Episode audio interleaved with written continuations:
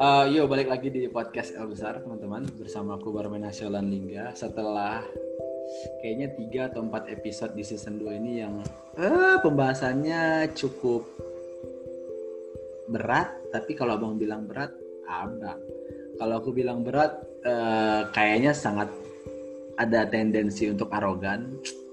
Mungkin rada-rada eksklusif lah pembahasannya ngomongin soal buku John Stott makanya uh, di episode kali ini teman-teman sekalian aku akan bicara soal uh, salah satu habit, salah satu kegiatan di mana itu adalah kegiatan yang kayaknya tepat di masa-masa yang jauh dari idealitas kita ini. Kan lagi pandemik ya.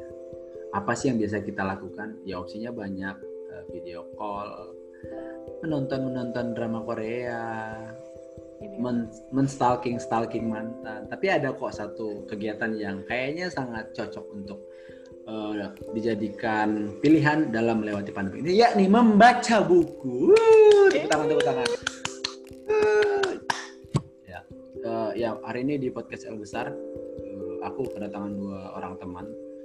Yang pertama namanya Cita Sinaga, di mana dia juga sudah beberapa kali uh, mengisi podcast El Besar. Dan yang kedua Loli Sinaga. Ada apa dengan Sinaga? Kenapa aku kayaknya deket banget ya? Sama si naga gitu. Masih dipantengin lagi bang ya? iya. Terakhir putus oh. sama Boru Sinaga. Terakhir nggak jadi-jadian sama Boru Sinaga. Ya gitulah. Kelak Sinaga kan jadi saudaramu bang. Iya ya. Kenapa? Jadi kau nggak nggak kami saudara bang? Oh iya, maksudnya abang kira akan ke arah yang lebih intim gitu saudaranya kalau nggak tahu aku kalau maksud loli ya bang. Maksud loli apa? Iya gitu juga sih. Oke gitulah ya. Kita akan bicara soal membaca. Kayaknya dua orang ini adalah dua orang yang legitimate untuk diajak bicara soal buku. Eh, dari mana abang tahu? Yang satu bekerja di Cinta Baca, ya meskipun bekerja di cinta baca itu ada satu hal tapi bekerja di cinta baca dan rajin membaca itu hal yang lain ya sebenarnya. Tapi kayaknya cinta itu orang yang bekerja di cinta baca dan juga suka membaca. Yang kedua Loli juga orang yang kayaknya suka melahap buku meskipun tentu dia punya alasan lain. Uh, apakah dia berinteraksi dengan buku atau tidak gitu. Uh, uh, keduanya sedang ikut programnya literatur perkasa Jatim. Iya enggak sih Iya, iya bang. By the way itu programnya gimana sih penilaiannya? Ada ada eh, mungkin Cita bisa ceritain itu programnya apa?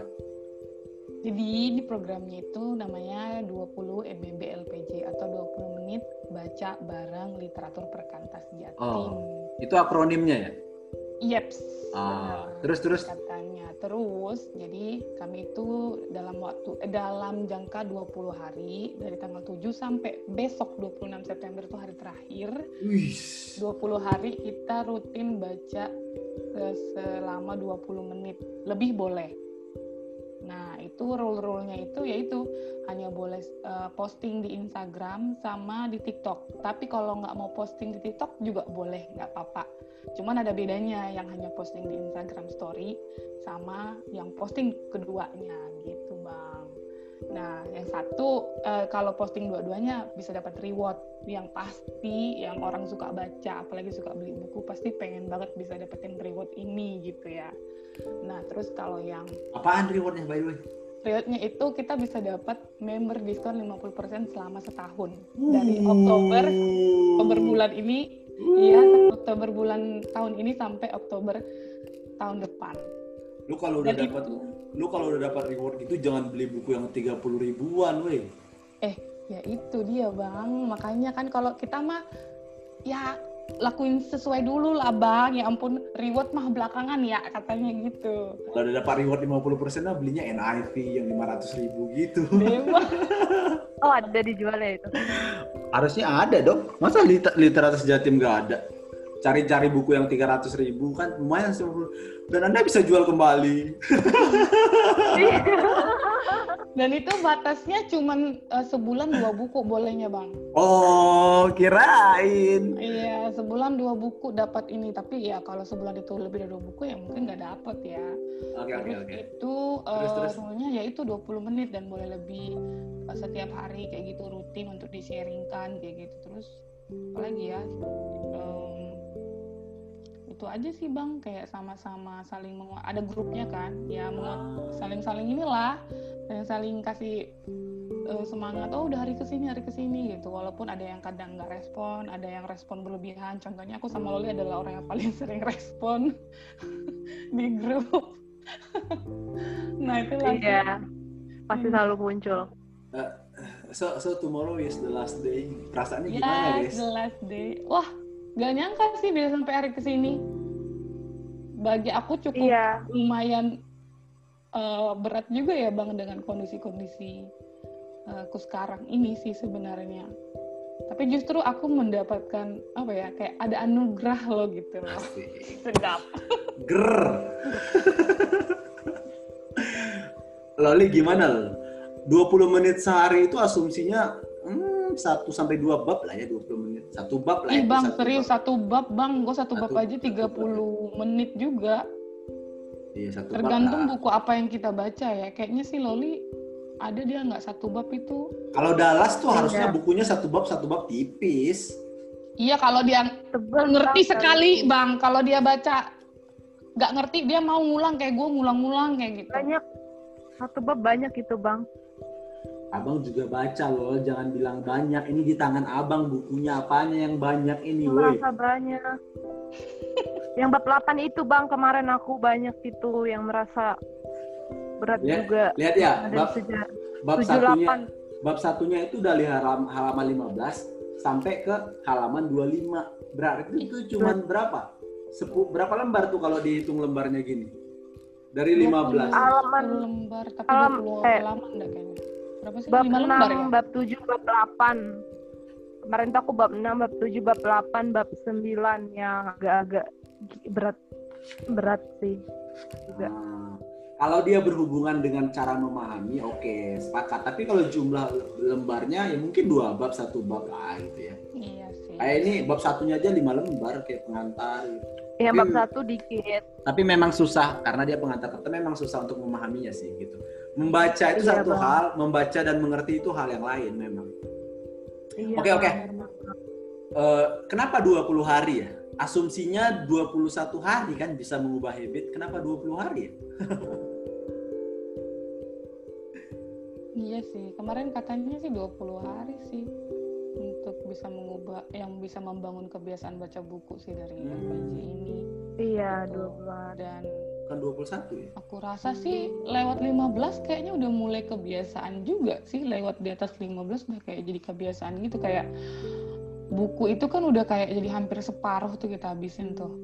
Jadi kayak aduh sayang nih kalau mau nggak dihabisin kayak gitu. Kecuali kalau kita baru sampai bab 1 bab 2 kebiasaan gue tuh kadangan eh, bab 1 bab 2 aduh aduh udah kalau udah hilang udah nggak dipegang tiga hari udah.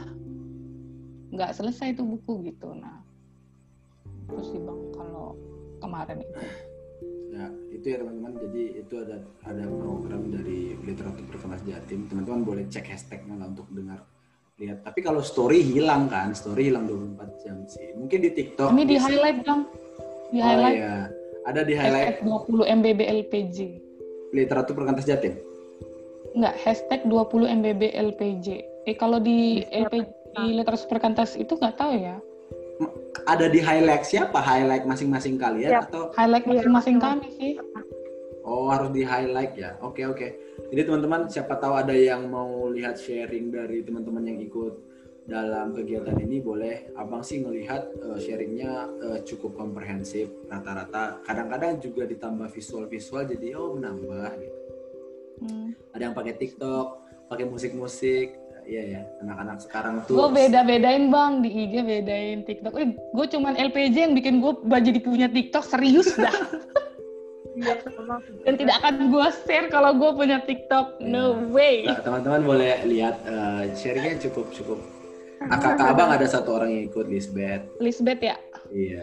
Eh, Ayu juga. Nah, itu kakak abang nggak Siapa? Iya kakaknya. Sagita. Lisbeth ya kakaknya Bang Barmen. Sagita mungkin bukan kakak tapi ya adik rohani yang cukup dekat lah gitu nggak nggak kakak. Oh, Oke, Eh, Iya yang suka masakin Bang Barmen. ya itu terkait sama program itu ya teman-teman. Eh, jadi memang kayaknya membaca itu butuh waktu yang butuh effort lah singkatnya gitu entah itu niat entah itu waktu uh, untuk bisa punya habit itu uh, kalau masing-masing kalian udah bisa udah berani mengklaim sebagai pelahap buku nggak? Cita? Belum. Belum? Kita Loli dulu deh bang, Loli dulu itu tadi udah jawab dia. Loli Loli Loli. Loli belum berani mengklaim diri sebagai pelahap belum buku. aku. Belum bang. Karena? Karena eh, setiap hari apa ya sebelum ada program ini aku tidak setiap hari baca buku. Tapi Nah, baca? buku tapi ba- baca. Hmm. Mas- sebelum program ini aku nggak tiap hari baca buku tapi eh, ya kalau mau ada buku gitu aku baca aku baca gitu. Cuman nggak yang setiap hari. Terus banyak buku yang aku beli tapi belum aku baca gitu. Bukan juga kan. Terus hmm, buku-buku ya itu masih yang kayak terkait dengan rohani bang kebanyakan. Eh, yang sekuler itu satu dua satu dua tiga cuman ya nggak lebih dari lima. Gitu.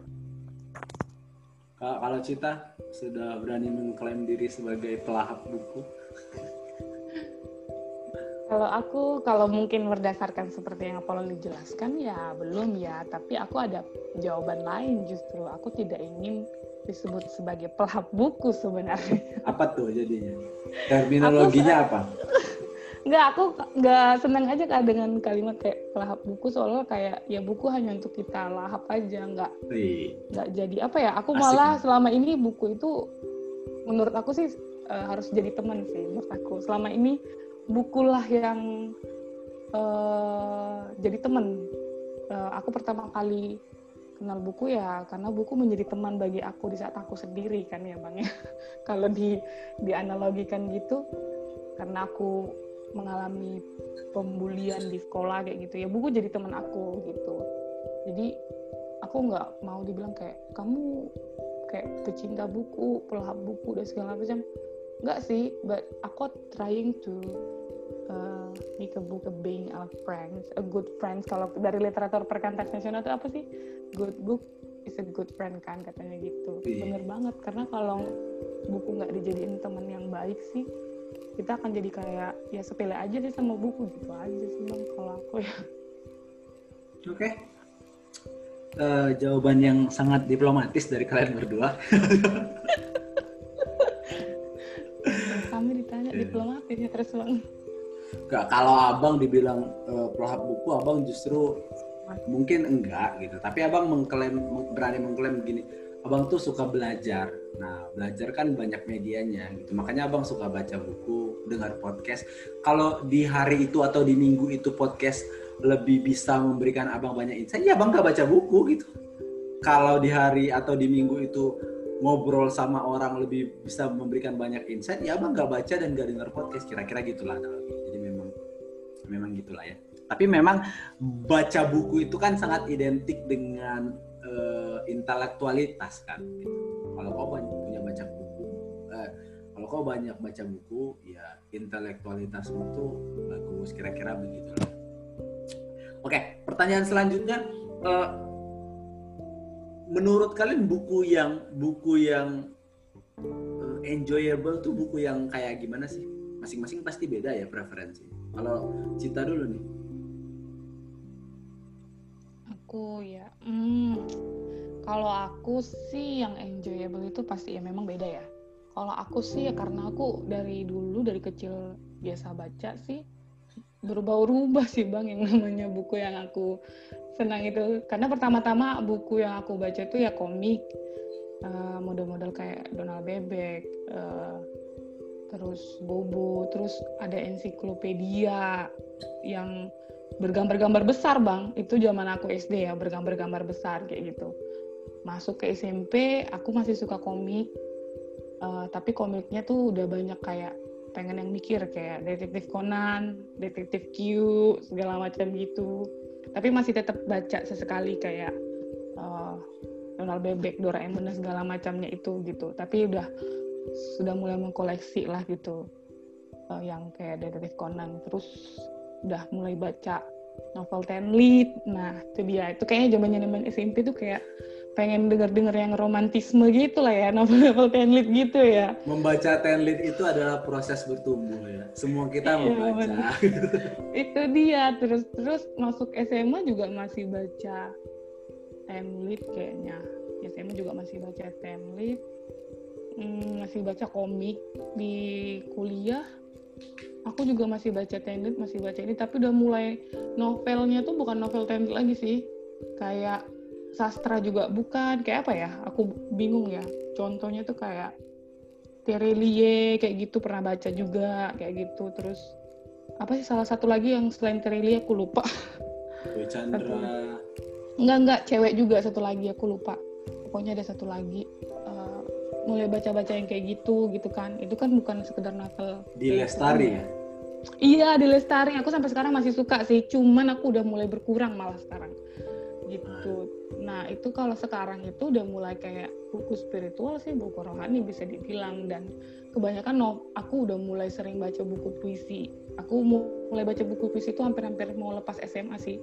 Tapi udah sempet hilang juga di perkuliahan. Di mulai-mulai hadir lagi sih. Apalagi sekarang-sekarang sering malah mulai uh, koleksi lagi buku-buku puisi yang aku menurut aku ya karena puisi beda-beda di mata orang. Ada yang dia suka yang begini ada yang suka yang begitu.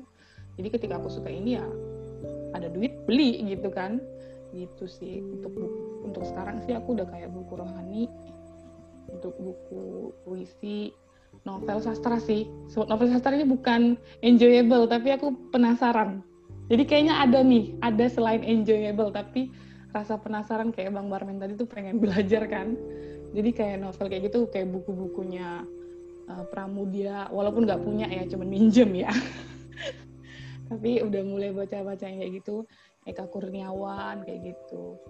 Jadi udah bukunya kayak masuk ke rebel ya Pak itu Bang. Kalau kayak gitu ya. Iya buku-buku progresif lah, buku progresif. Iya, pemikiran-pemikirannya si Pramudia, pemikirannya si Eka Kurniawan dan sebagainya sih. Spiritual juga sih, karena mungkin sebagai orang percaya dan anak Allah ya.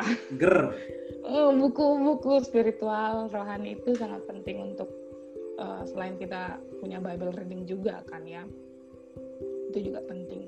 Dan buku puisi membuat aku bisa berlari apa melarikan diri tempat bersembunyi bersembunyi ya lebih tempat iya. bersembunyi puisi adalah tempat aku bersembunyi sih gitu. Bersembunyi dari realita. uh, bacaannya Cita itu cukup variatif ya, maksudnya ada pergerakan, ada perubahan dari awal gitu. Aku lagi ini lagi penasaran, lagi mulai-mulai mau ke menuju ke apologetika juga sekarang. Boom. Tapi belum Syurut, punya bukunya. Kakak. Tapi belum, belum punya bukunya, cuma ikut webinar doang. Doakan lah ya dari dari sini aku bisa dapat diskon 50%. ya.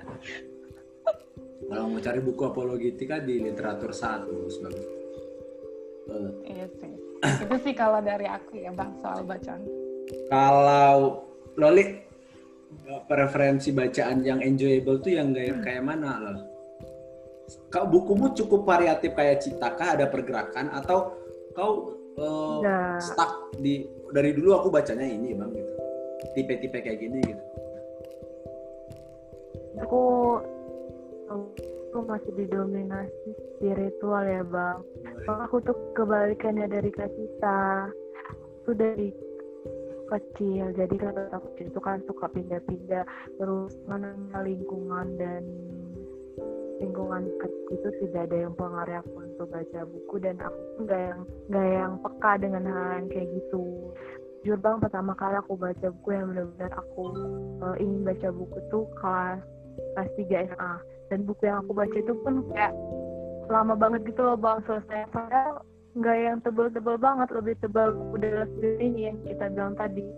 Uh, itu judulnya memaksimalkan hidup uh, yang yang ngarang juga. David Jeremiah nggak yang terkenal gitu kan.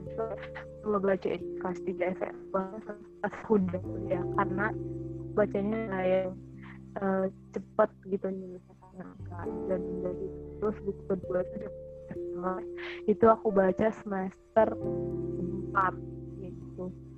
Nah jadi uh, se- kemudian di terima yang aku terima kan di situ aku sadar pada hmm, apa namanya kesehatan mental yang kayak gitu-gitu kan ya.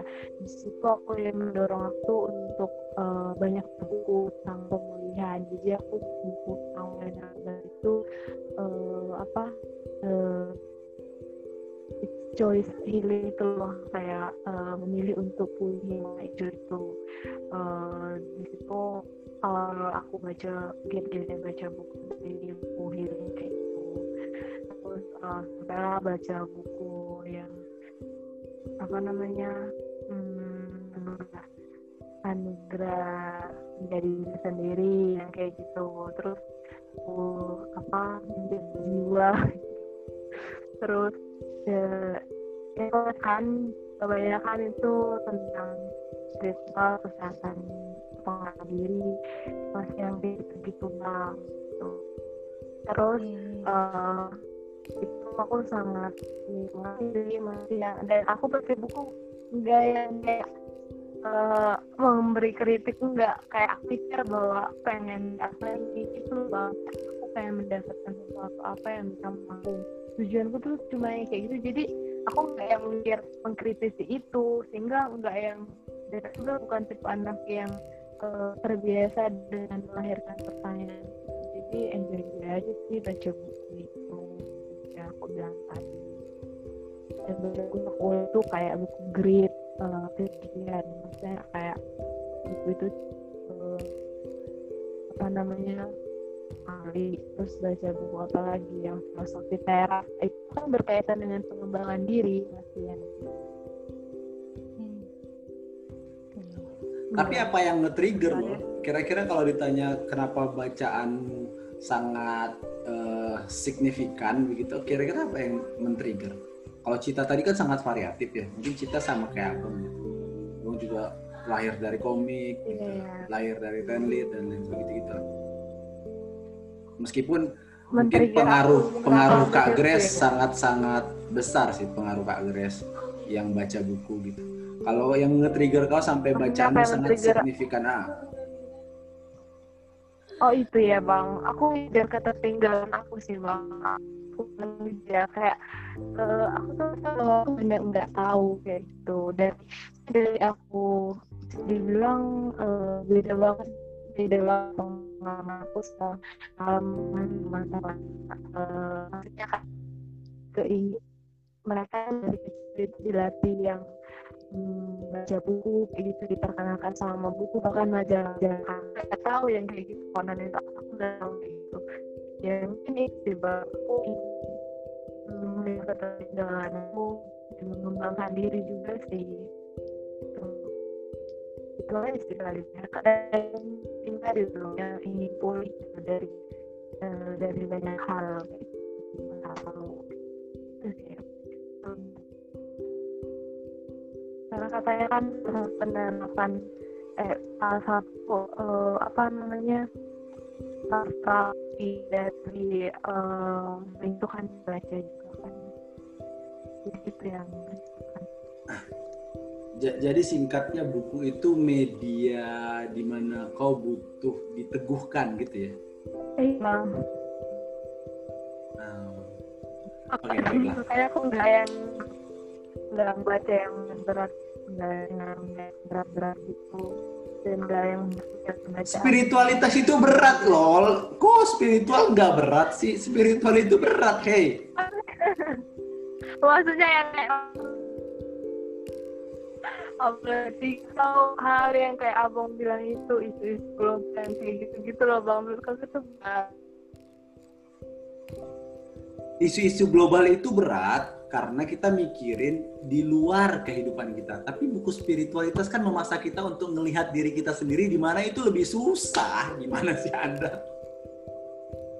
iya maksudnya berat itu kayak me- mendorong untuk memotivasi gimana ya kayak melahirkan ada kekuatan untuk apa ya untuk kita tuh bisa yang eh, semakin diteguhkan akan iman gitu.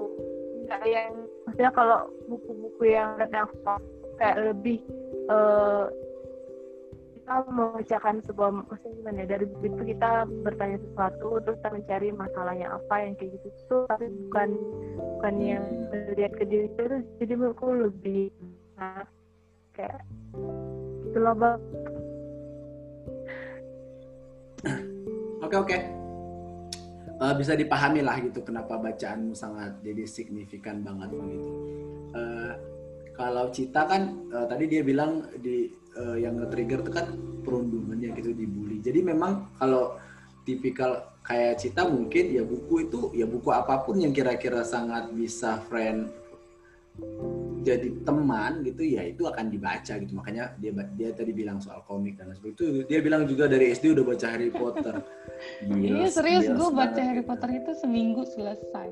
Karena gue cuma diem aja bacain itu Harry Potter yang berapa Harry nih? Potter yang pertama, kedua, ketiga kayaknya SD Sama kan ya. ya. Itu seminggu seminggu dan gue baca dari pinjam dari perpustakaan ya. Perpustakaan gue agak agak hype gitu ya.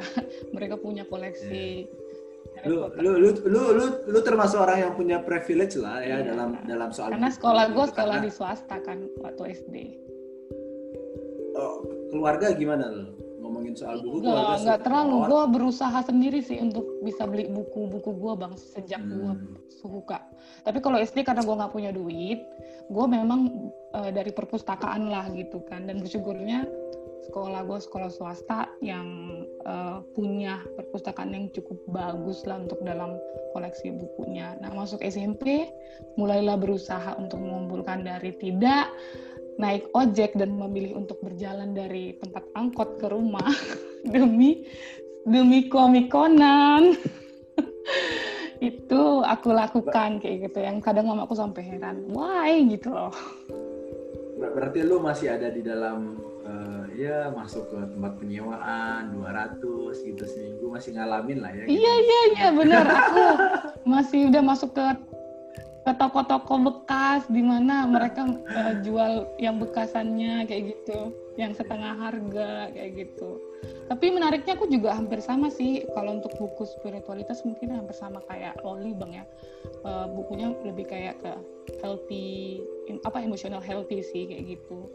Tentang seperti seperti itu kayak self development tapi tetap tetap ke spiritualnya sih kayak gitu jarang sih kayak bacaan kayak bang Marmen ya yang ke John Stott kayak gitu gitu jarang sih aku kayak gitu.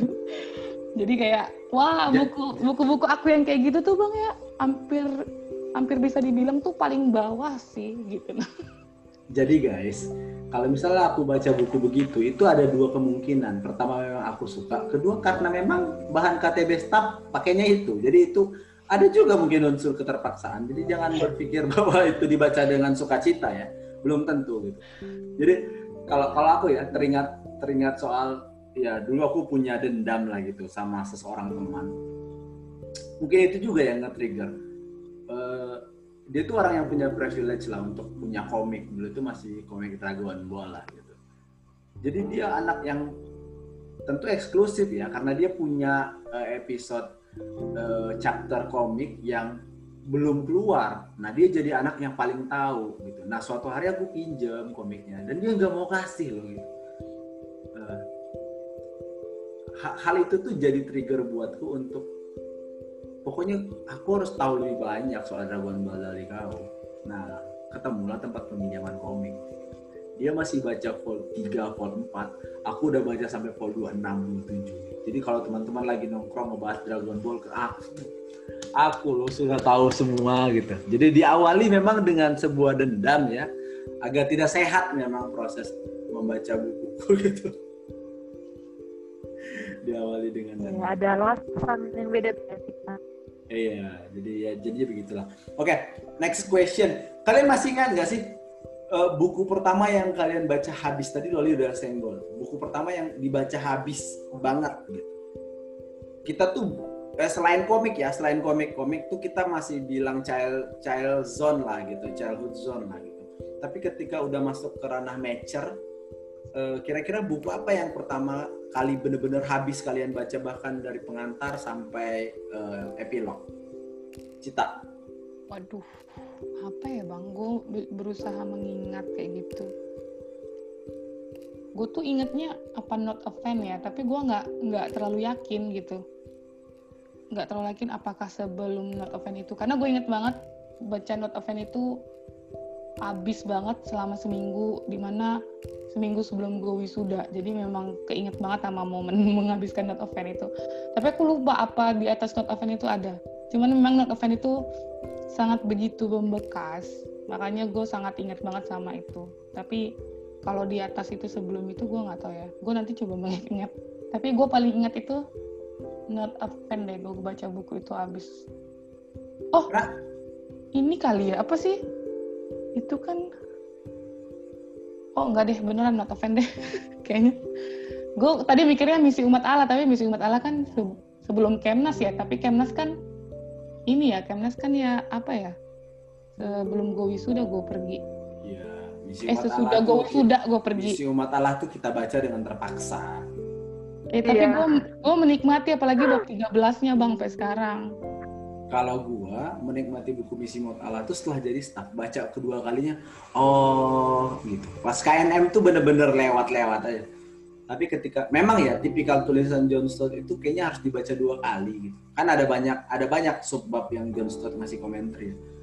Memang harus kayaknya dibaca dua kali gitu. Karena dia rada dalam gitu mau bilang dia filsuf tapi dia teolog kayaknya gitulah.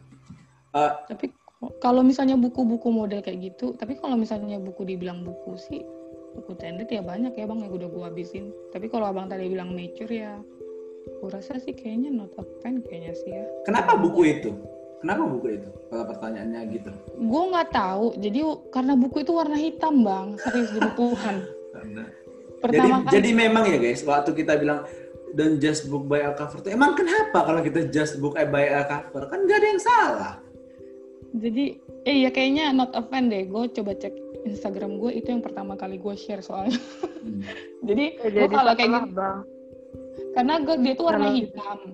Warna hitam dan itu ada di kantor staff waktu itu. Dan menurut aku kok menarik banget nih buku warna hitam dan not a fan judulnya kayak gitu. Bukan seorang penggemar. Apa maksudnya bukan seorang penggemar? Ya maksud gue kan itu di mana masa-masa Korea juga masih udah mulai hype juga kan. Jadi gue penasaran aja sih bang terus gue baca gitu ya udahlah seminggu itu mengalirlah air mata gue menyadari diri gue siapa kayak gitu.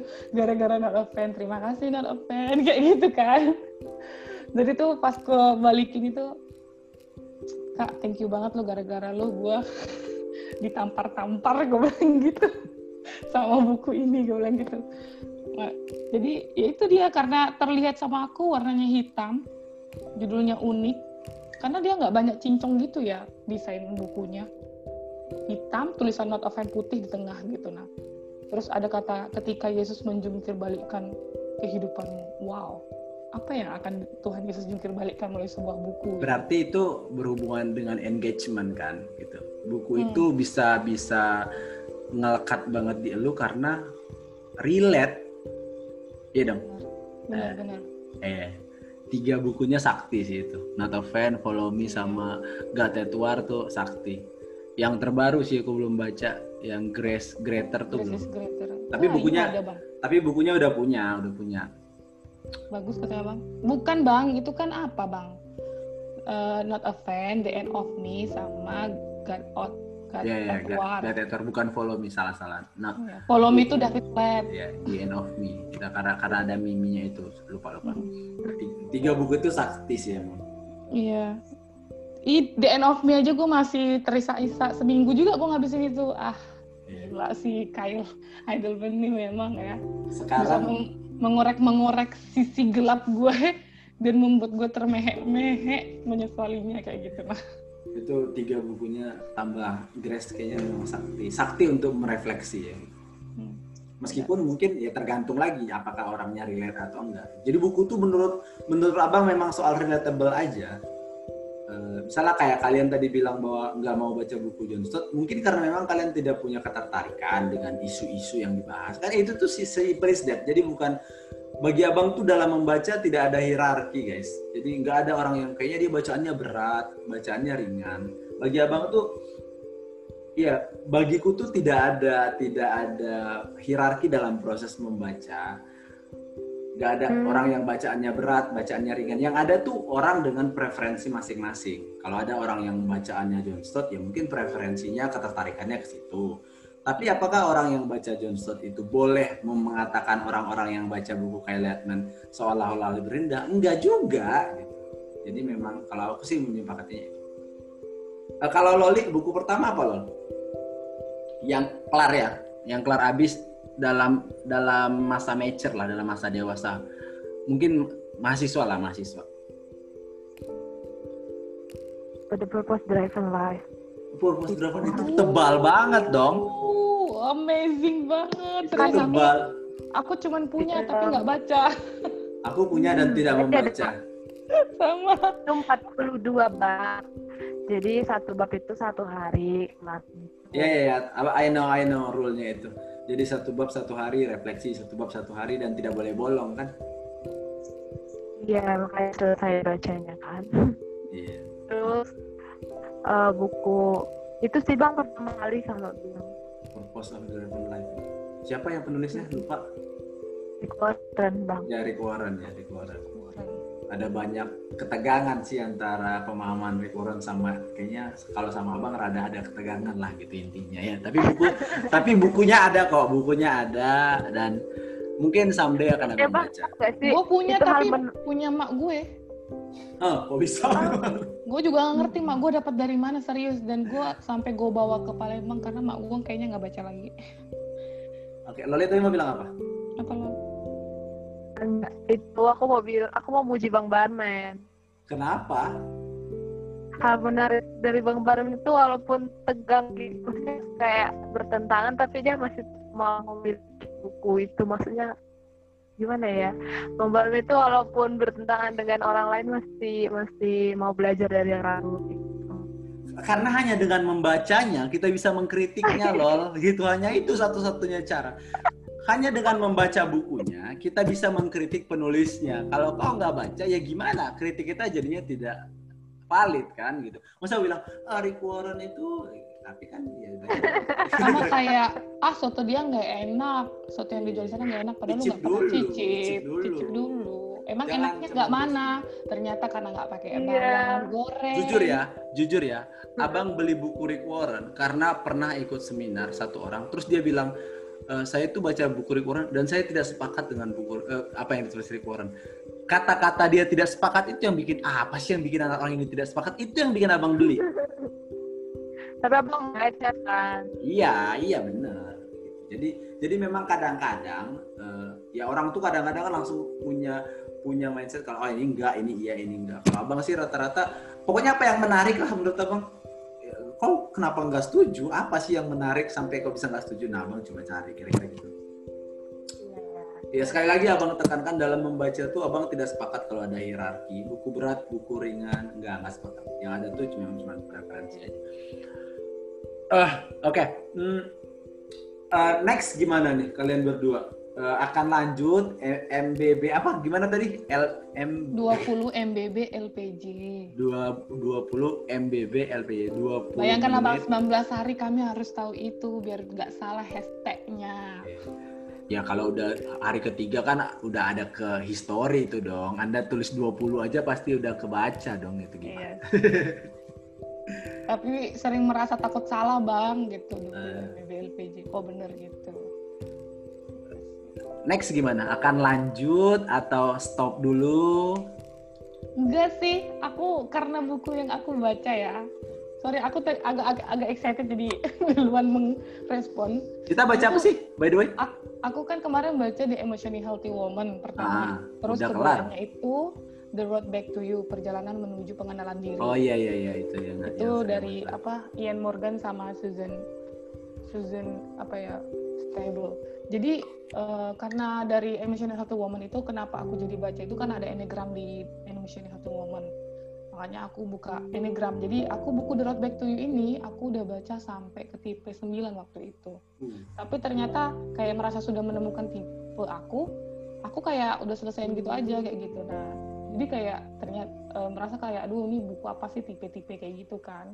Tapi ternyata ketika melihat itu semakin relate aja bahwa ada orang-orang tipe kayak gini kayak gitu. Dan akhirnya kemarin ngomong sama Loli sih kami sama-sama punya buku lanjutannya The Road Back to You yang judulnya uh, The Path Between Us. Itu lebih kayak um, tentang enneagram lagi tipe enneagram lagi gitu. Tapi soal relasinya juga sih. Tapi dia nggak sedetail The Road Back to You gitu.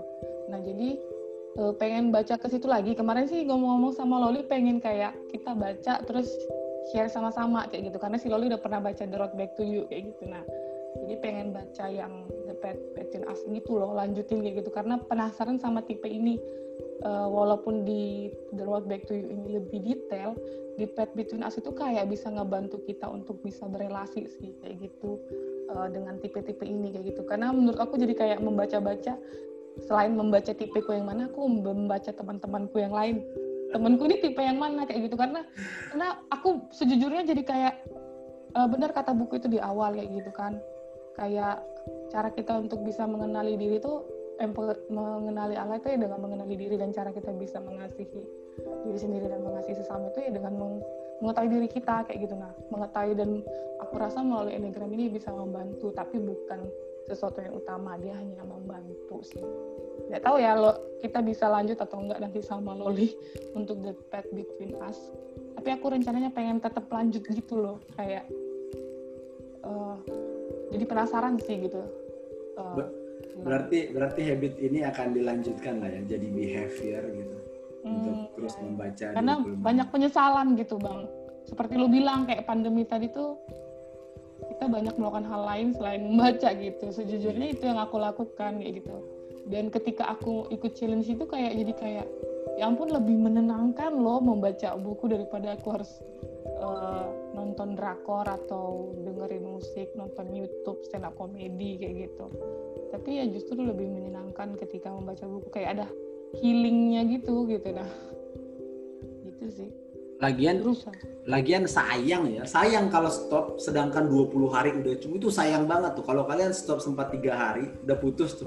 Iya makanya karena udah pengalaman kan udah tiga hari nggak baca ya udah putus lah gitu. Oke, kalau Loli bakal lanjut Lol atau stop dulu dah? Abang lanjut baca buku atau enggak itu ya? Lanjut 20 menit sehari. Oh, ya lanjut lah bang. Kalau aku lanjut bang, kayak menurut aku apa ya penting juga sih minimal 20 minimal 20 menit karena akan membuat aku jadi makin terbiasa ini aja cuma sih udah membantu banget sih buat terbiasa jangan stop sih kalau kata abang. Kalau iya, stop tuh sayang banget. Soalnya udah 20 hari itu pasti harusnya ya normalnya ketika nggak baca tuh ada yang aneh harusnya harusnya gitu. Iya bang. Benar. Oke, kenapa belum baca ya gitu? Kalau dulu dulu aku ingat e, gimana ngelatih habit itu aku dilatih sama Kak Grace itu dia pakai mirip-mirip lah sama itu. Jadi one day one article gitu. Jadi satu hari itu harus baca satu artikel lah kalau dulu ya. Artikel kan lebih singkat, tapi itu aja susah setengah mati. Jadi satu hari cari berita atau dicariin berita suruh baca, cari berita suruh baca gitu. Ya, uh, memang ya susah mengubah mengubah habit.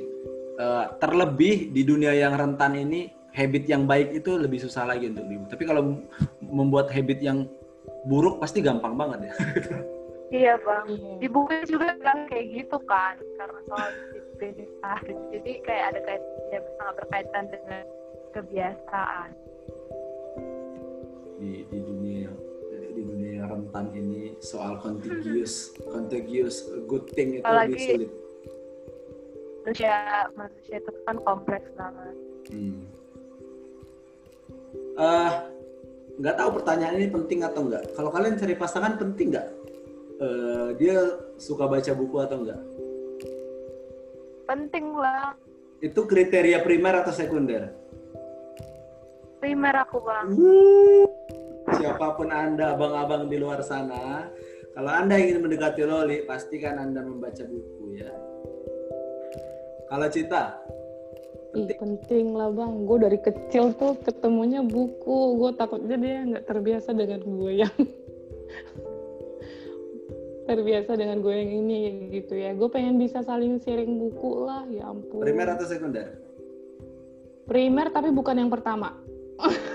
Ah diplomatis sekali jawaban karena per, maksud gue aku gue memahami ketika kayak kalau dia itu orang yang uh, maksudnya orang percaya orang yang cinta Tuhan pasti mau belajar gitu. Nah salah satunya belajar dari buku toh kayak gitu selain dari Alkitab kayak gitu itu sih maksudnya bang. Bukan diplomatis serius lah aku.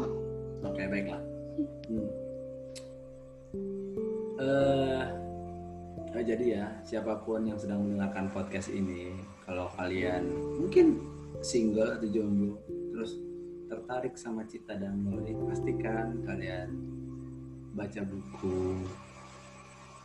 Kadang-kadang baca buku tuh supaya relate dan dan punya wawasan luas lah wawasan luas lah gitu. Terlepas preferensi bacaan beda atau enggak ya setidaknya ada lah yang bisa diadu untuk berdiskusi gitu. Enggak enggak ha ha enggak kebingungan biar, biar bisa tukeran informasi juga sih bang. Iya. kalau dia bacaannya yang lain gue bacaan yang lain ah. kita bisa tukaran kayak gitu. Oh kamu bacanya ini kayak aku tuh kayak penasaran sama cowok yang uh, ngerti aku apologetika gitu karena aku bener-bener kayak nggak tahu gitu jadi ketika dia denger dari baca buku gitu kayak gini-gini oh gitu isi bukunya jadi kayak tertarik kayak gitu hmm. gitu nah iya. nah kalau misalnya emotional woman biasanya memang karena ketertarikan gue kayak aku sama si Loli sharing-sharing kayak gitu soal buku apalagi buku yang kita baca kan uh, the apa emotionally healthy juga kayak gitu bang iya yeah.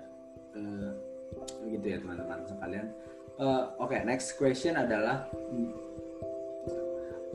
terlepas dari buku pertama yang kalian baca tadi sampai habis ada nggak sih dalam perjalanan dalam perjalanan membaca kalian tuh punya pengalaman yang sangat personal banget sama satu bagian buku? Nggak harus satu buku tapi kayaknya di buku ini kayaknya aku ketemu hal yang sangat personal gitu dalam diriku gitu. Ingat gak kira-kira? Terus itu hal apa yang sangat personal itu saya lagi baca buku Kayla Edmund ketika dia bicara soal perbedaan antara murid dan juga pengikut fans misalnya gitu. Itu satu contohnya tapi kalian punya nggak pengalaman? Entah di buku yang mana pun gitu. Aku punya. Loli silakan. Punya sebenarnya nggak satu dua tiga uh, pengalaman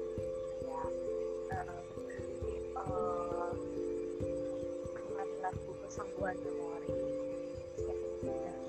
apa David lah itu pengarangnya undang-undang David jadi uh, buku ini itu uh, menceritakan pengalaman orang yang itu dikurung gitu loh bang dikurung dan akhirnya uh, memori memori orang itu mengingat kalau ingat itu rasanya sakit banget kayak gitu. Jadi itu dikurung terus ke ruangan oleh bapaknya. Kayak dia di di karena uh, karena salah melakukan pokoknya dia dikurung. Akhirnya uh, apa namanya dia terluka dan saat itu. Kenapa yang pengalaman yang kayak gitu jadi di buku itu kayak diberitahu lah maksudnya uh, cara seorang ibu yang terluka ini lepas dari uh, luka di masa lalu uh, atau dibilang memori itu kan sakit kayak gitu kan ya. Jadi dia uh, jadi tolong langkahnya dan dok coba untuk menerapkan kayak gitu apa yang aku juga pernah alami kayak gitu uh, dalam kehidupanku di masa lalu atau terus yang kedua itu menjaga jiwa. Jadi tuh buku itu um, apa ya memberitahu bahwa ini menjaga jiwa yang apa sih keeping keeping soul kah? Iya, ya? keeping soul. Iya benar. Soul. Keeping soul, soul karena soul keeping keeping soul apa anda? Iya, jadi di buku itu kayak diingatkan gitu bahwa kita tuh uh, suka lupa sama uh, kita dan uh, apa namanya sering kali uh, kita itu enggak enggak berinteraksi dengan jiwa kita jadi kayak kita pun diajar supaya untuk untuk mengelola jiwa yang perhatikan. Dan mengajaknya kayak bercakap bercakap berinteraksi atau uh, menguji diri dengan uh, menyentuh bagian diri dan mengatakan kepada diri sendiri dengan menyebutkan nama kayak gitu. Uh, uh, misalnya ada masalah kayak gitu kan dia diajak untuk baca-baca uh, uh, tentang itu bukan masalah yang besar melihat mereka jadi gitu. Nah itu uh, kita lebih sadar bahwa kita tuh memiliki jiwa yang kita perhatikan. Gitu. oke okay, nice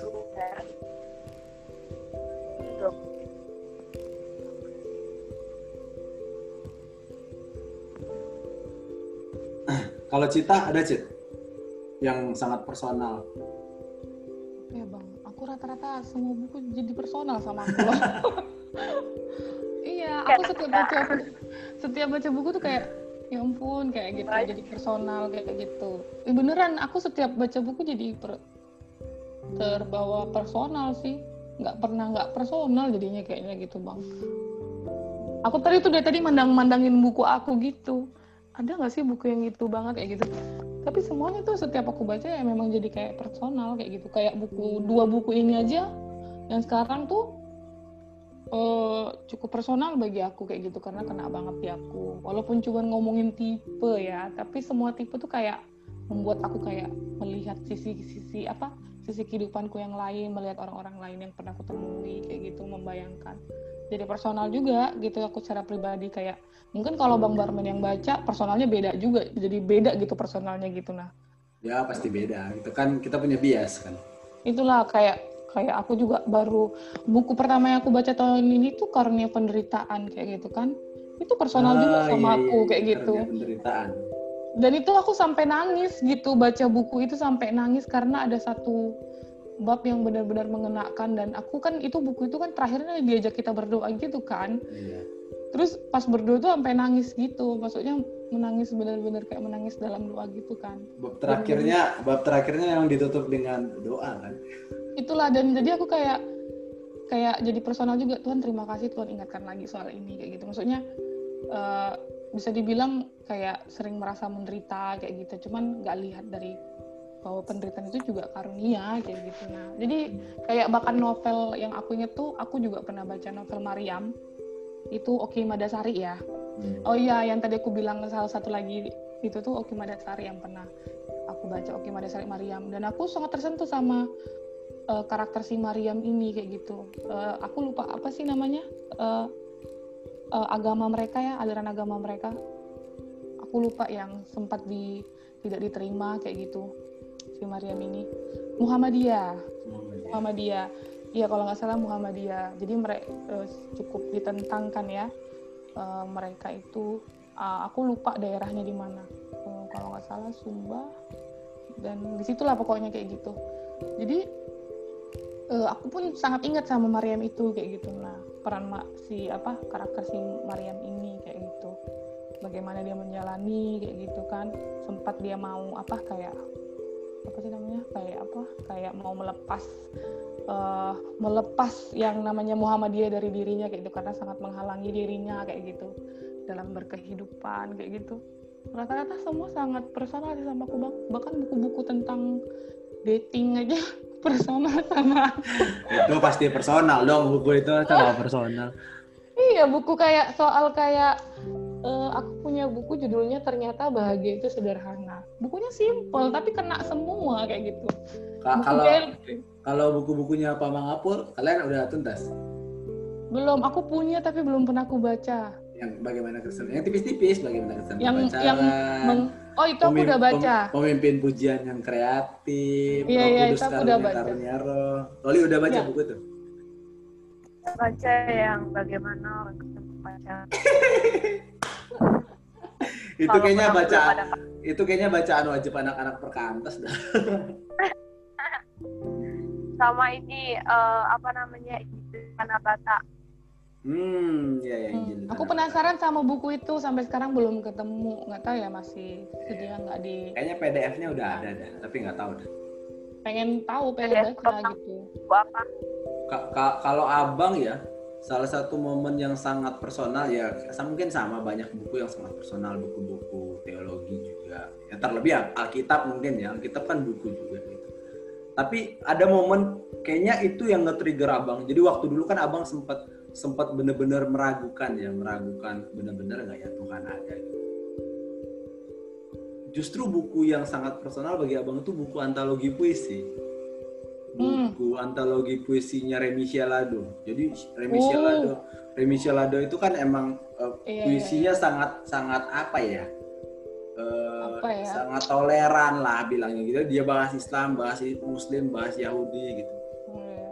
Uh, dan puisinya tuh singkat, puisinya tuh singkat. Apa masih ingat? Dia bilang uh, keturunan Ismail dan Ishak seperti kereta, eh seperti rel kereta menyatu eh pokoknya intinya kayak rel kereta lah. Selalu sejajar tapi tidak bisa menyatu. Nah gitu intinya intinya gitulah dia bilang. Itu pesan membaca itu kan iya ya gitu. Maksudnya benar bahwa abang tidak mendapatkan keutuhan mengenai Tuhan dari puisi itu tapi abang melihat bahwa waktu itu abang struggle soal Tuhan tuh sebenarnya di mana sih? Di agama mana? Tapi puisi itu kayak ngasih abang gambaran ngasih abang semacam pencerahan ayo lanjutkan lagi memikirkan itu gitu. Jadi nggak nggak kemudian menyerah untuk tidak memikirkan itu lagi dan akhirnya memutuskan untuk ada ateis saja tapi puisi itu membuat abang semacam ada harapan mungkin di depan sana men ada ada jawaban. Yuk pikirkan lagi kira-kira gitu. Antologi puisi cuman dua dua paragraf kayaknya puisi itu. Dan bukunya tebal banget teman-teman kalau ada yang tahu. Kira-kira gitu. buku puisi juga sangat berasa sih sama aku bang. Walaupun memang mungkin beda kali ya puisi yang kita baca. Kalau aku lebih kayak bukan romantisme apa ya bilangnya ya? Kayak romantisme tapi juga nggak romantisme. Aku bingung me, me, apa me, apa sih namanya memberikan label tapi ya itu juga uh, personal bagi aku kayak gitu. Dan justru kadang kalau kita lagi jalan-jalan ke toko buku gitu ya bang kadang-kadang cuma lihat belakangnya dong tuh kayak ih personal banget nih gitu. Iya. sama gue kayak gitu. A gitu. abang tuh selalu tidak sepakat kalau ada yang bilang dan just by cover emang kenapa? Abang tuh nggak suka buku yang covernya jelek jujur aja. Mau bodoh amat lah gitu. Mau isinya bagus kalau covernya udah nggak eye catching tuh males lah. Tapi sebenarnya kan don't, don't judge book by the cover itu kan sebenarnya hanya istilah aja buat orang. Tapi kalau buku ya nggak bisa. Iya buku bagus tuh ya isinya bagus covernya juga harus bagus. Buku bagus tuh satu kesatuan menurut abang. Isi dan cover harus bagus. Karena Iya sih, buku tuh untuk menambah pengetahuan. Tapi jujur aja, buku tuh juga barang barang kolek kolektif gitu. Gak mau kalau covernya jelek ada di lemari buku awak ngapain gitu. Kadang aku bang justru kalau covernya jelek aku penasaran gimana. Ah, mungkin karena abang sangat otak kanannya aktif banget ya. Kayak ini, ini kayak mana ya isinya gitu malah jadi Hmm. Kalau aku wajib sih lihat ininya di belakangnya reviewnya apa ya, gitu. belakangnya banyak yang Mbak, lihat lihat lihat reviewnya di Google, di Goodreads gitu. Oke. Okay. Uh, ini mungkin last last one question sebelum nanti pertanyaan terakhir. Kalau kalian baca buku, uh, seberapa besar pengaruh subjektivitas penulis terhadap uh, reaksi kalian terhadap tulisannya. Kalian kalian peduli gak sama subjektivitas penulis? Misalnya kayak uh, kita baca satu buku, dia dia itu dia itu misalnya kayak katakanlah kayak Edmund ya, kayak. Uh, bukunya bagus kan, bagus. Tapi kalian pikirkan nggak bahwa oh konteks bahwa dia itu seorang pendeta, yang hidup di barat di western makanya dia punya pemikiran itu. Nah itu berpengaruh nggak menurut kalian kondisi subjektivitas penulis terhadap bagaimana kalian memahami tulisannya atau enggak atau kalian lepaskan itu? Hmm, kalau aku sometimes lepas sometimes bisa berpengaruh sih bang. Hmm. nggak, nggak selalu kayak yang aku baca. Sekarang kan eh, yang di emotion emotional healthy woman itu kan si Geris Kaziero sama suaminya ya Peter Kaziero mereka itu di uh, seorang apa pemimpin gereja pendiri gereja hmm, gitu iya, iya. kan iya. dan aku sih melihatnya itu uh, subjektivitas mereka masih bisa cocok untuk aku oh loli keluar hmm. masih bisa loli hilang kayaknya gangguan tapi ntar lagi join masih bisa cocok untuk aku aplikasikan gitu nah uh, apa yang dia coba sampaikan gitu coba aku bayangkan dengan versinya aku gitu nah tapi kadang ada satu buku yang memang sulit kayak gitu nah kayak buku di karena penderitaan itu ada satu satu bab yang sangat sulit aku untuk uh, aplikasikan.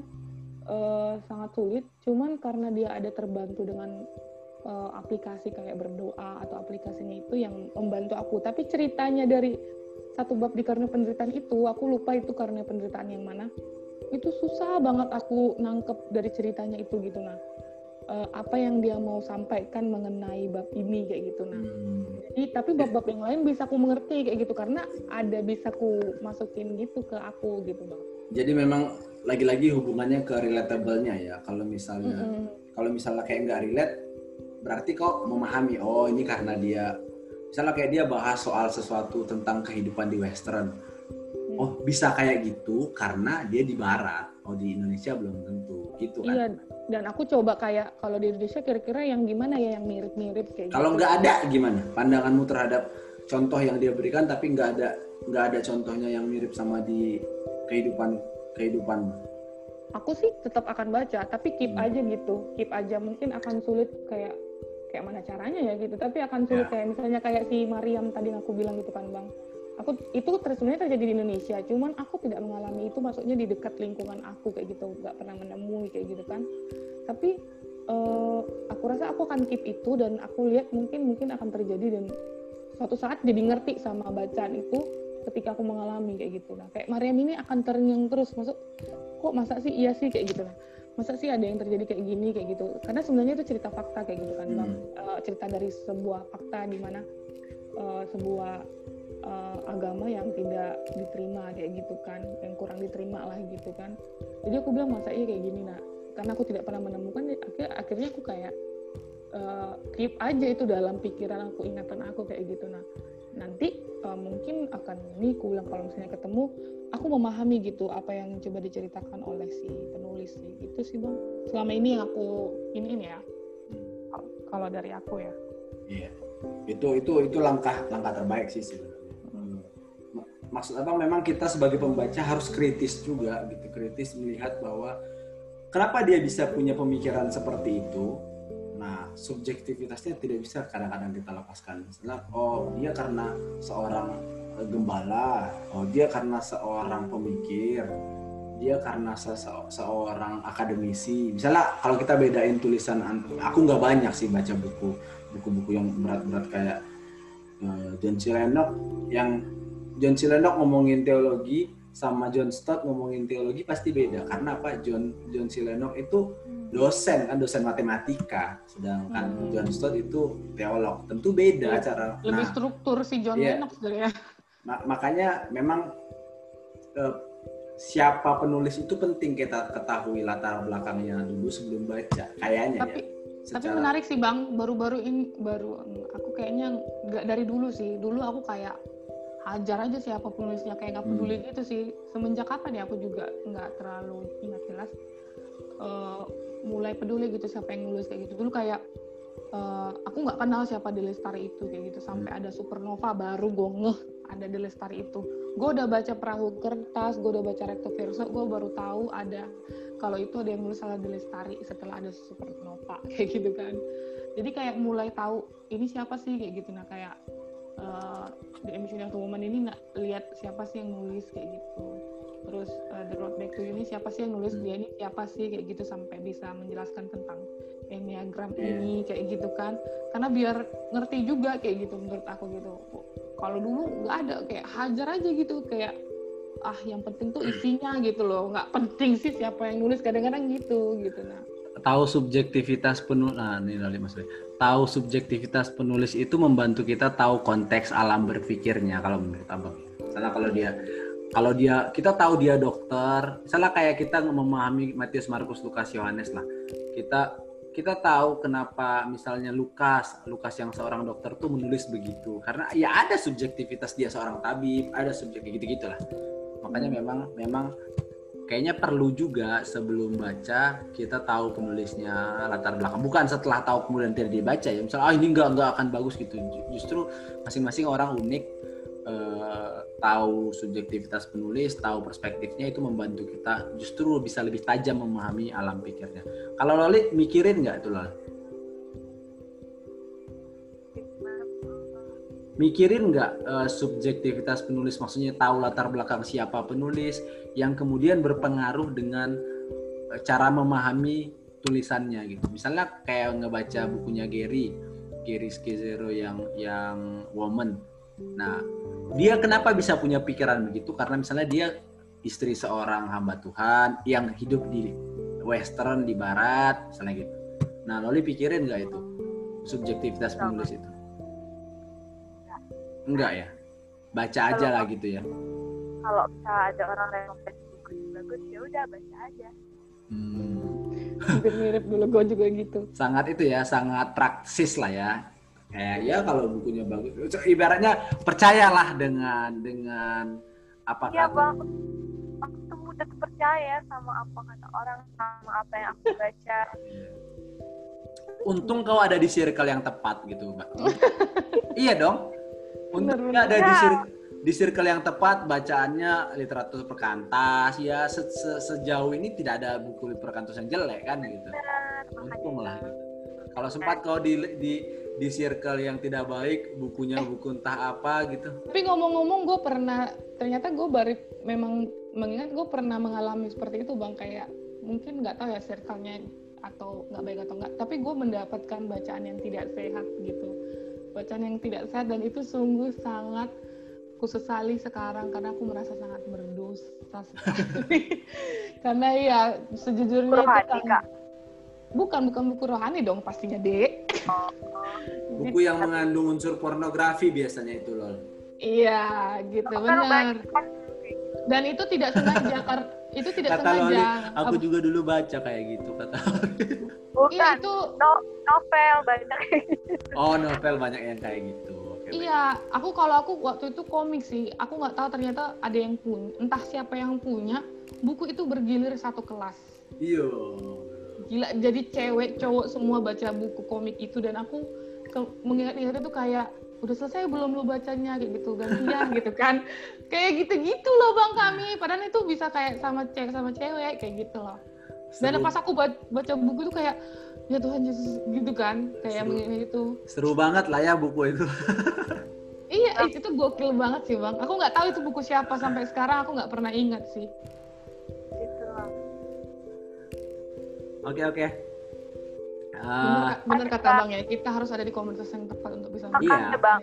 aku kalau aku ya bang kalau misalnya ada kata orang buku itu eh maksudnya itu kayak ada rada sesat gitu ya udah nantinya buat buku kayak kita aku gak mau baca kan kan kayak abang e, bertentangan tuh masih mau kayak gitu. Kalau aku enggak karena aku bakalannya kayak kalau aku baca terus aku nanti ya udahlah mendingan gak usah.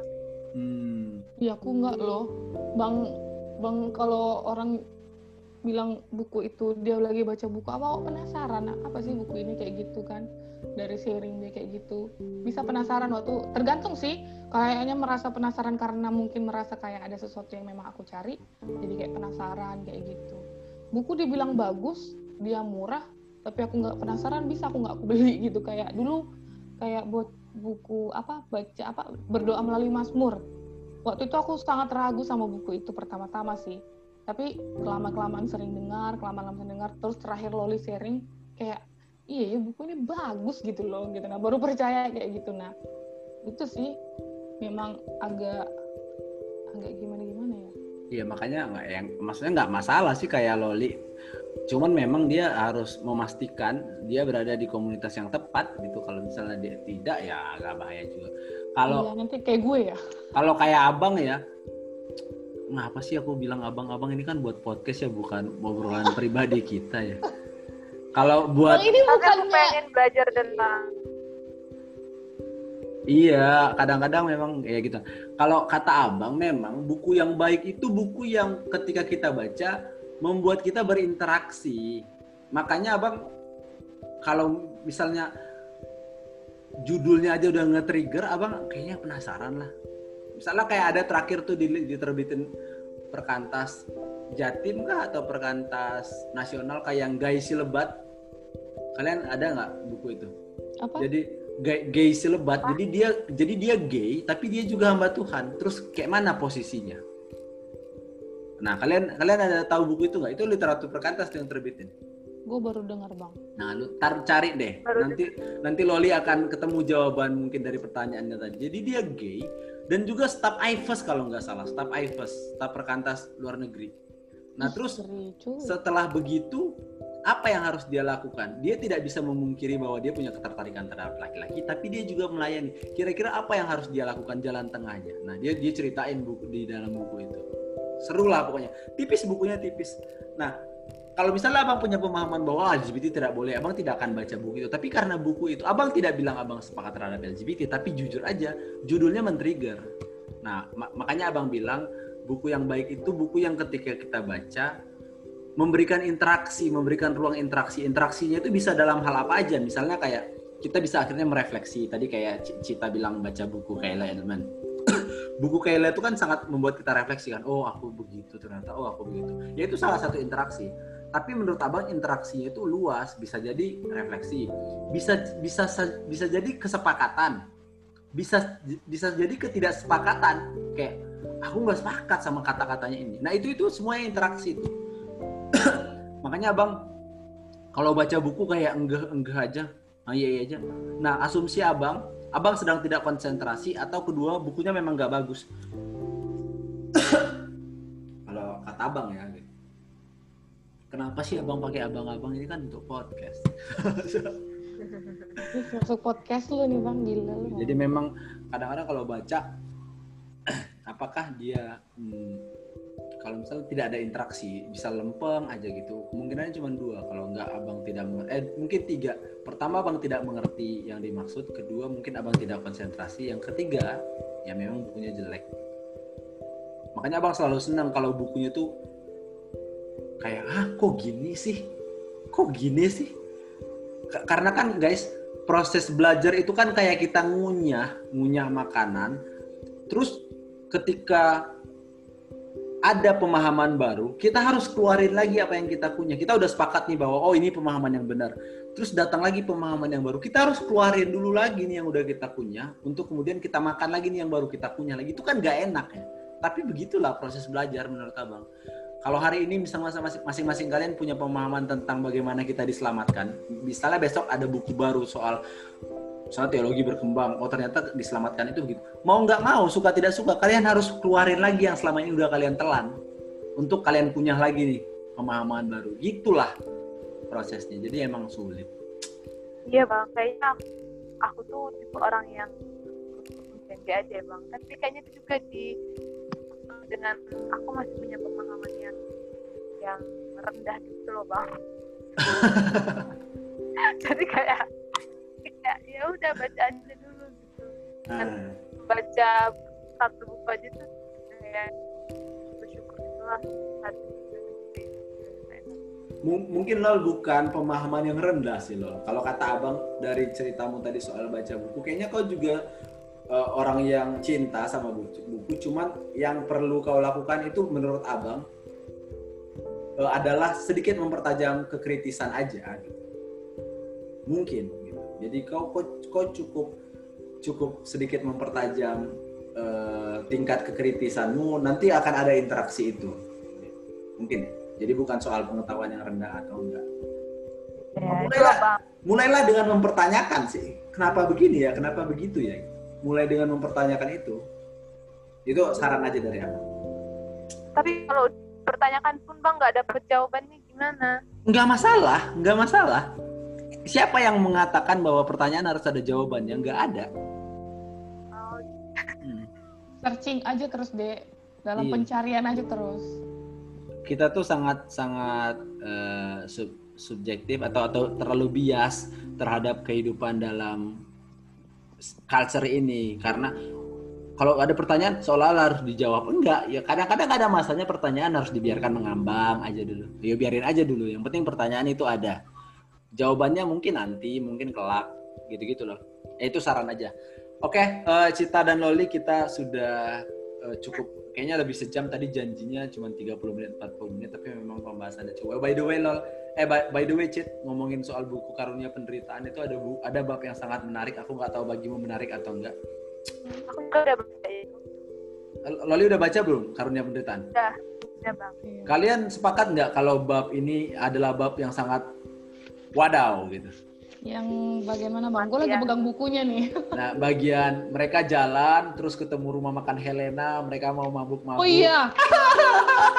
bang itu yang gue bilang bab yang paling susah gue ini gue gue masuk akalin. Gua juga itu aku gua tahu itu kenapa karena culture-nya mungkin. Tapi di situ gua ngelihat kayak kisah yang hidup banget depan mata gua kayak film mereka. Helena, aku ingin tambah, berikan aku makan gitu. Terus Helena memasak lagi gitu. Iya kayak ini apaan sih kayak gitu sampai gue harus baca sampai akhir bang untuk bisa memahami ini. Itu karunia kelelahan kan kayak Iya, iya. dia kayak apa kayak apa dia bilang kayak ya kelelahan itu kayak diabaikan aja gitu kan. Iya. Dia tidak teringat dengan buku itu gue ingat satu satu bab itu kayak wow wadaw banget sih itu terus Helena dengan sukacita memasakkan lagi untuk mereka ketika orang-orang udah Iya. keluar dari bar itu waduh gila sih itu Iya maksud aku, aku tuh masih sampai sekarang kadang bertanya-tanya itu apa ya kayak gitu. Cuman untuk memahami apa yang jadi eh, nama babnya karena kelelahan. Jadi aku ya udah baca di akhirnya aja untuk memahami kayak gitu. ya teringat karena tadi lu sempat kaling uh, recall buku itu ya itu salah satu buku yang buku yang ringan dan reflektif lah bab itu sangat uh abang bacanya ush gila ya mereka sambil mabuk gitu eh seru lah mencium, mencium si, Mad, si Madelena. Gitu. Iya, Madalena bukan Helena ya, Mada- Ma- Madalena, Madalena. Ma Madalena gitu, berikan kami makan gitu, isi perut kami gitu-gitu kan. gokil, gokil.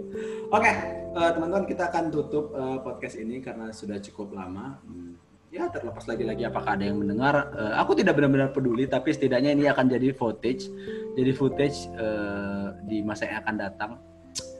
Jejak media itu selalu berharga ketika udah bergesekan dengan waktu. Jadi kalau hari ini kalian cek Facebook, kalian pasti enggan untuk menghapus foto-foto kan, karena itu berharga.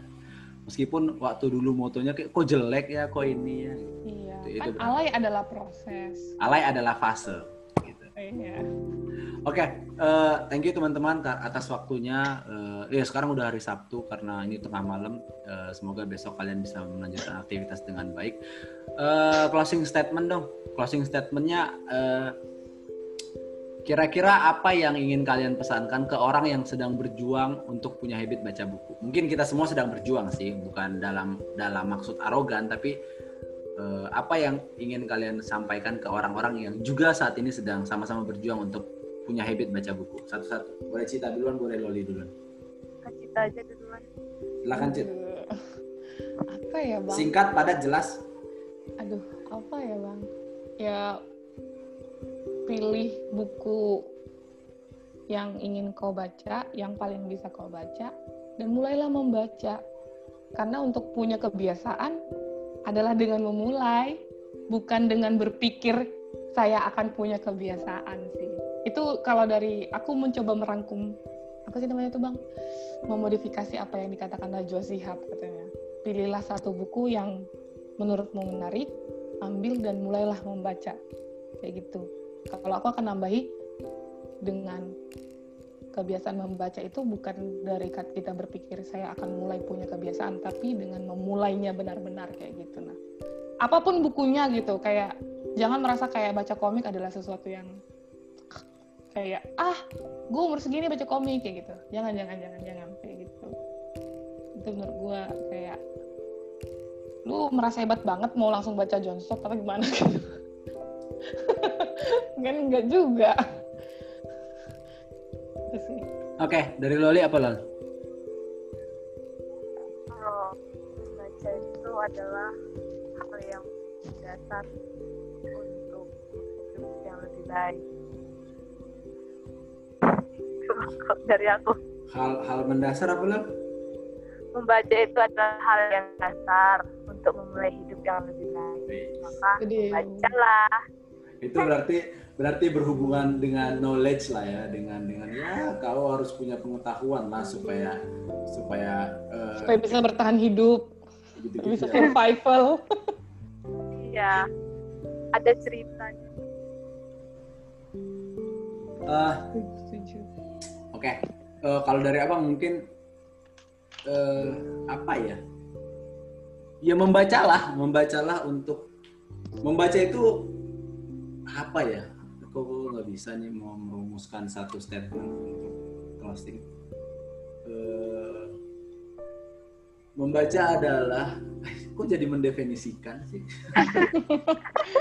lu mau bingung sendiri lu lu su- lu orang suruh bikin statement-statement kayak gitu lu sendiri nggak bisa gitu Oh, gini gini gini, gua gua gua persingkat.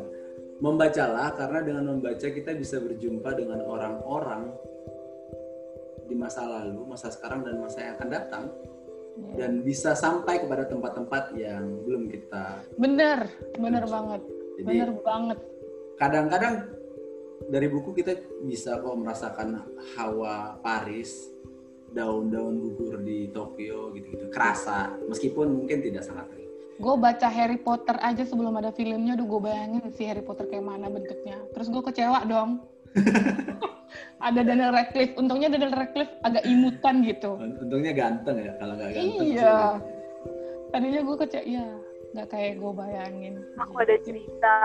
Aku ada cerita Ten- Tentang apa?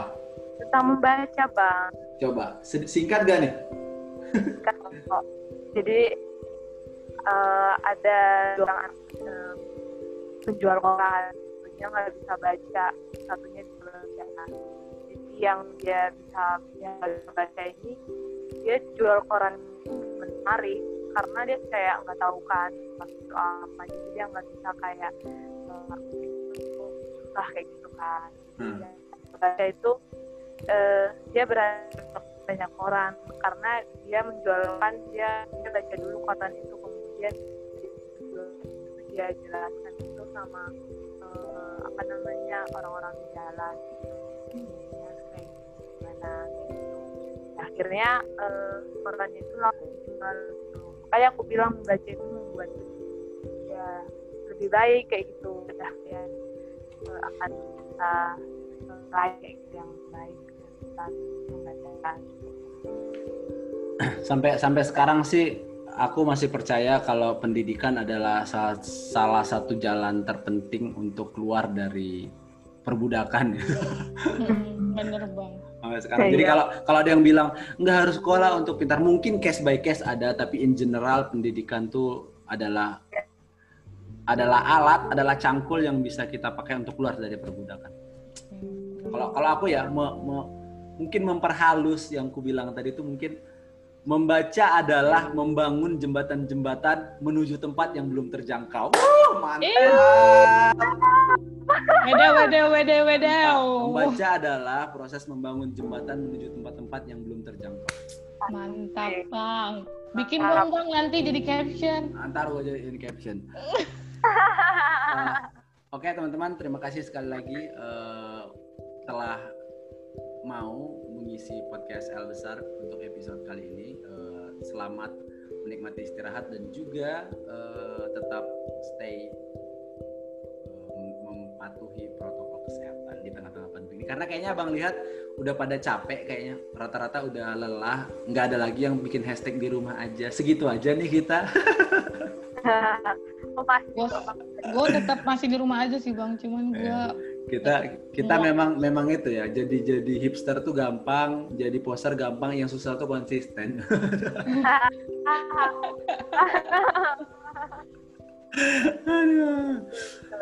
oke oke thank you ya, lol thank you ya Cit Eh, ini akan diposting mungkin besok malam untuk menemani orang yang overthinking di malam minggu lah video. oke bye Bye, Bang. Bye bang.